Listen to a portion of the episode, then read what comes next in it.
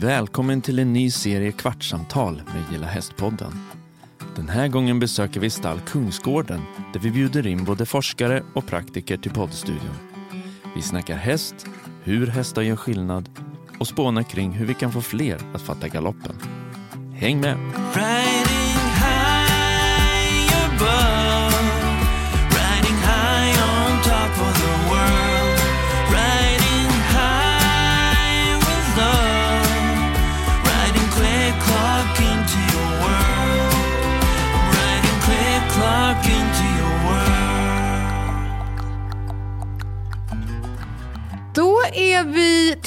Tillbaka i poddstudion. Vi har precis inlett dag två här på seminariet på Kungsgården.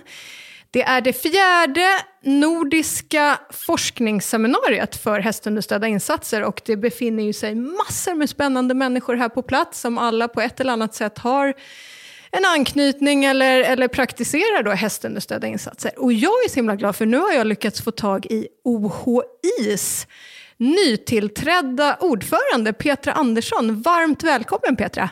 Tack. Till Kvartssamtal med Gilla Hästpodden som vi kallar det här. Jag tänkte passa på att ställa några snabba frågor till dig. Först och främst, vi älskar ju förkortningar i den här världen. Det är mycket trebokstavsförkortningar. Och här har vi då OHI. Vad står det för? OHI står för Organisationen för hästunderstödda insatser. Så att det är ändå ganska enkelt. Ja, ganska enkelt. Kort om Petra. Du är ganska nytillträdd, har tagit över ordförandeposten. Vem är Petra Andersson? Ja, vem är Petra Andersson? I de här kretsarna refererar många till mig som hästfilosofen, så det är väl det jag är då. Jag är i huvudsak filosof. Eh, Jag arbetar som lärare i djuretik. Eh, jag är då sedan i våras ordförande för OHI.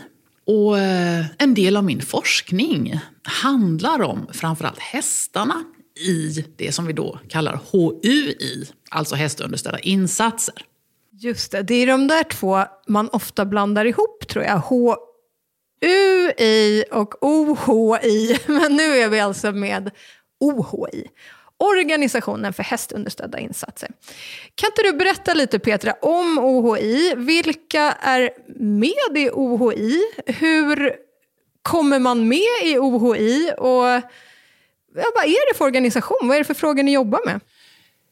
Alltså, när du pratar om frågan hur man kommer med i OHI så är det en spännande fråga. Därför att villkoren för att bli medlem i OHI ändrade sig igår då vi hade ett möte då vi beslutade om en ändring av stadgarna.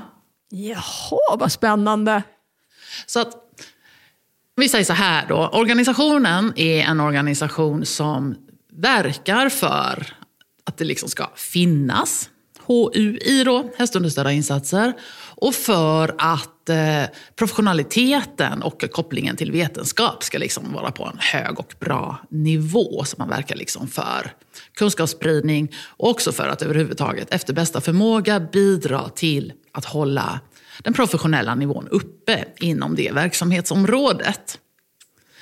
Mm, väldigt många av medlemmarna och fram till ganska nyligen, då, det vill säga till igår, så eh, har det också varit så att för att bli medlem så ska man ha en ganska, man ska ha en ganska gedigen utbildning. Och det är också så att de flesta, väldigt många av våra medlemmar har varit och är sjukgymnaster. Vi har eh, specialpedagoger, psykologer, ja, överhuvudtaget personer med legitimationsyrken och en längre utbildning. Specialpedagoger, ja det är några sådana ämnesområden då.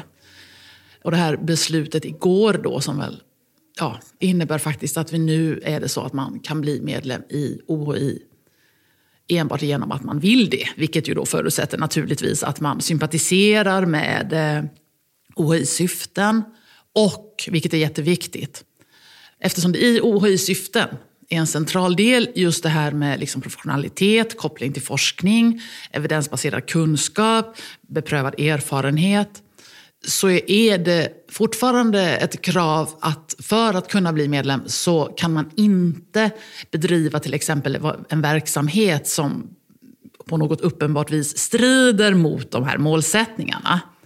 Vad skulle det kunna vara som strider mot målsättningarna?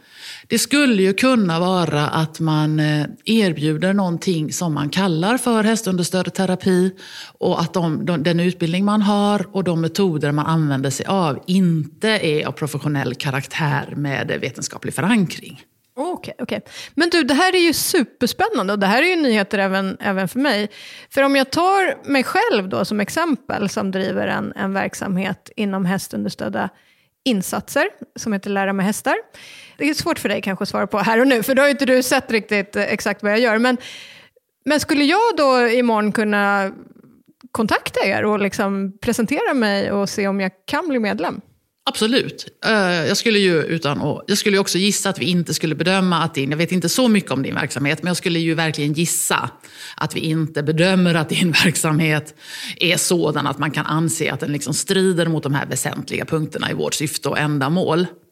Gör man en intervju? Lämnar man in lite dokumentation? Hur, hur gör man? Det är nog så, alltså jag tänker mig att det kommer ju att vara så att de allra flesta som vill bli medlemmar oproblematiskt kan bli det.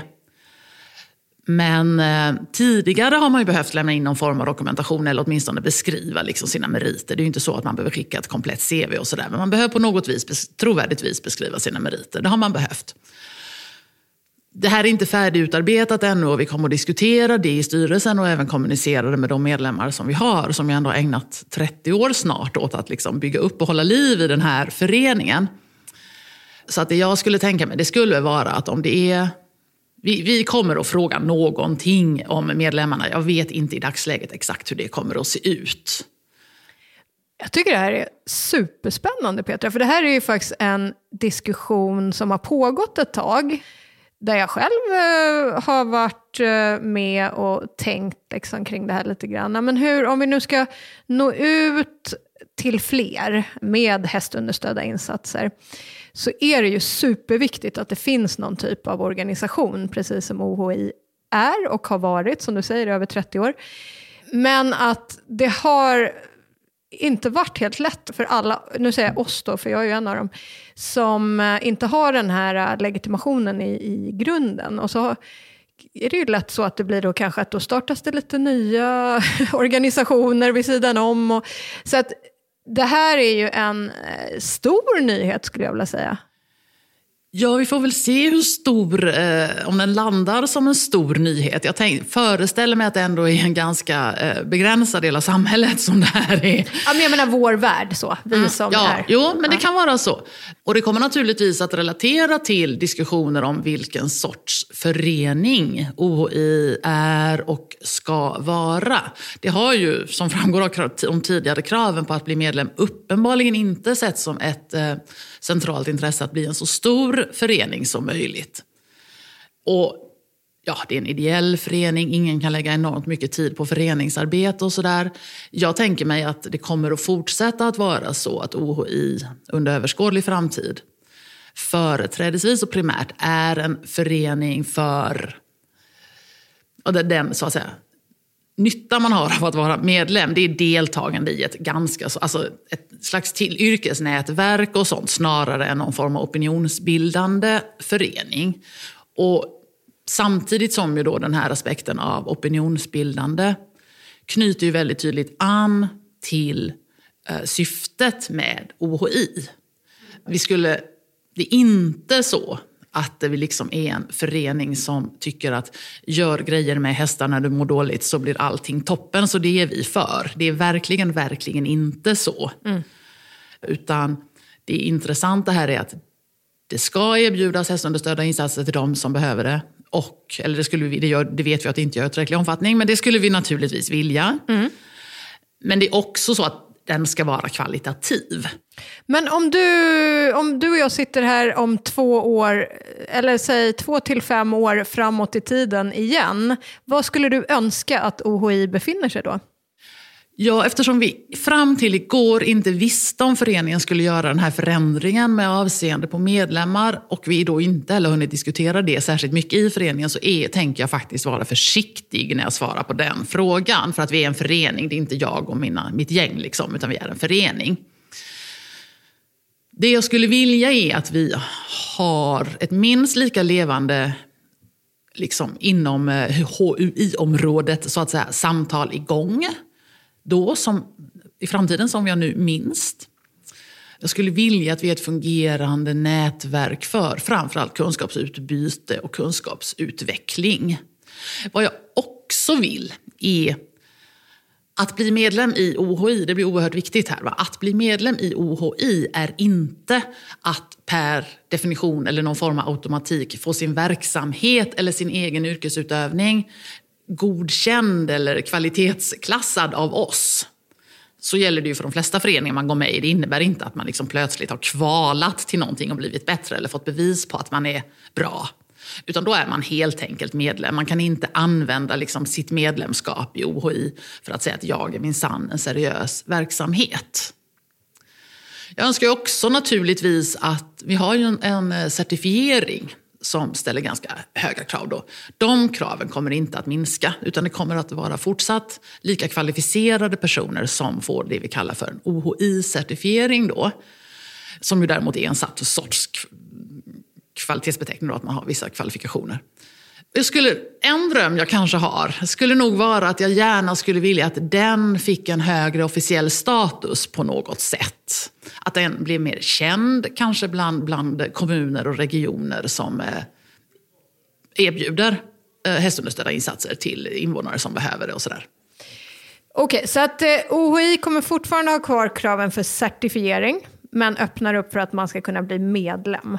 Exakt. Ah, okay. Och det, det, där vet jag också att föreningen mer eller mindre som en man eller kanske en kvinna, en mer korrekt beskrivning, står bakom det. Det är väldigt viktigt att inte förväxla OHI-certifieringen med medlemskap i OHI.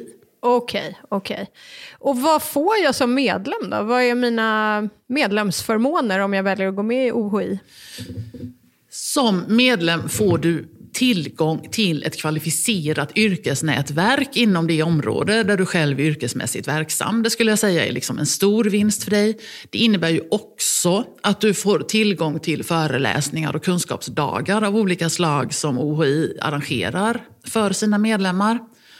Och du, ja, du får överhuvudtaget tillgång till ett, alltså det är ju en väldigt liten och ideell förening, men du får överhuvudtaget tillgång till ett visst eh, informations och kunskapsflöde som finns inom OHI.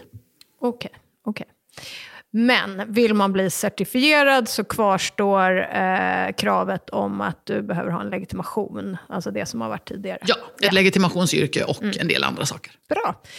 Men Petra, jag tror att vi ska bege oss tillbaka till seminariet här igen, för nu drar det igång. Men det var jättebra att du kom in här i studion tycker jag och tydliggjorde det här som, eh, ja, för både medlemmar och eh, OHI-certifierade vad som kommer hända framåt. Tack ska du ha. Jag ser också mycket fram emot att gå och höra resten nu. Ja, stort tack Petra. Gilla hästpodden ryms i satsningen med samma namn som drivs av hästnäringens nationella stiftelse, HNS. Läs mer på gillahäst.se och följ oss gärna i sociala kanaler.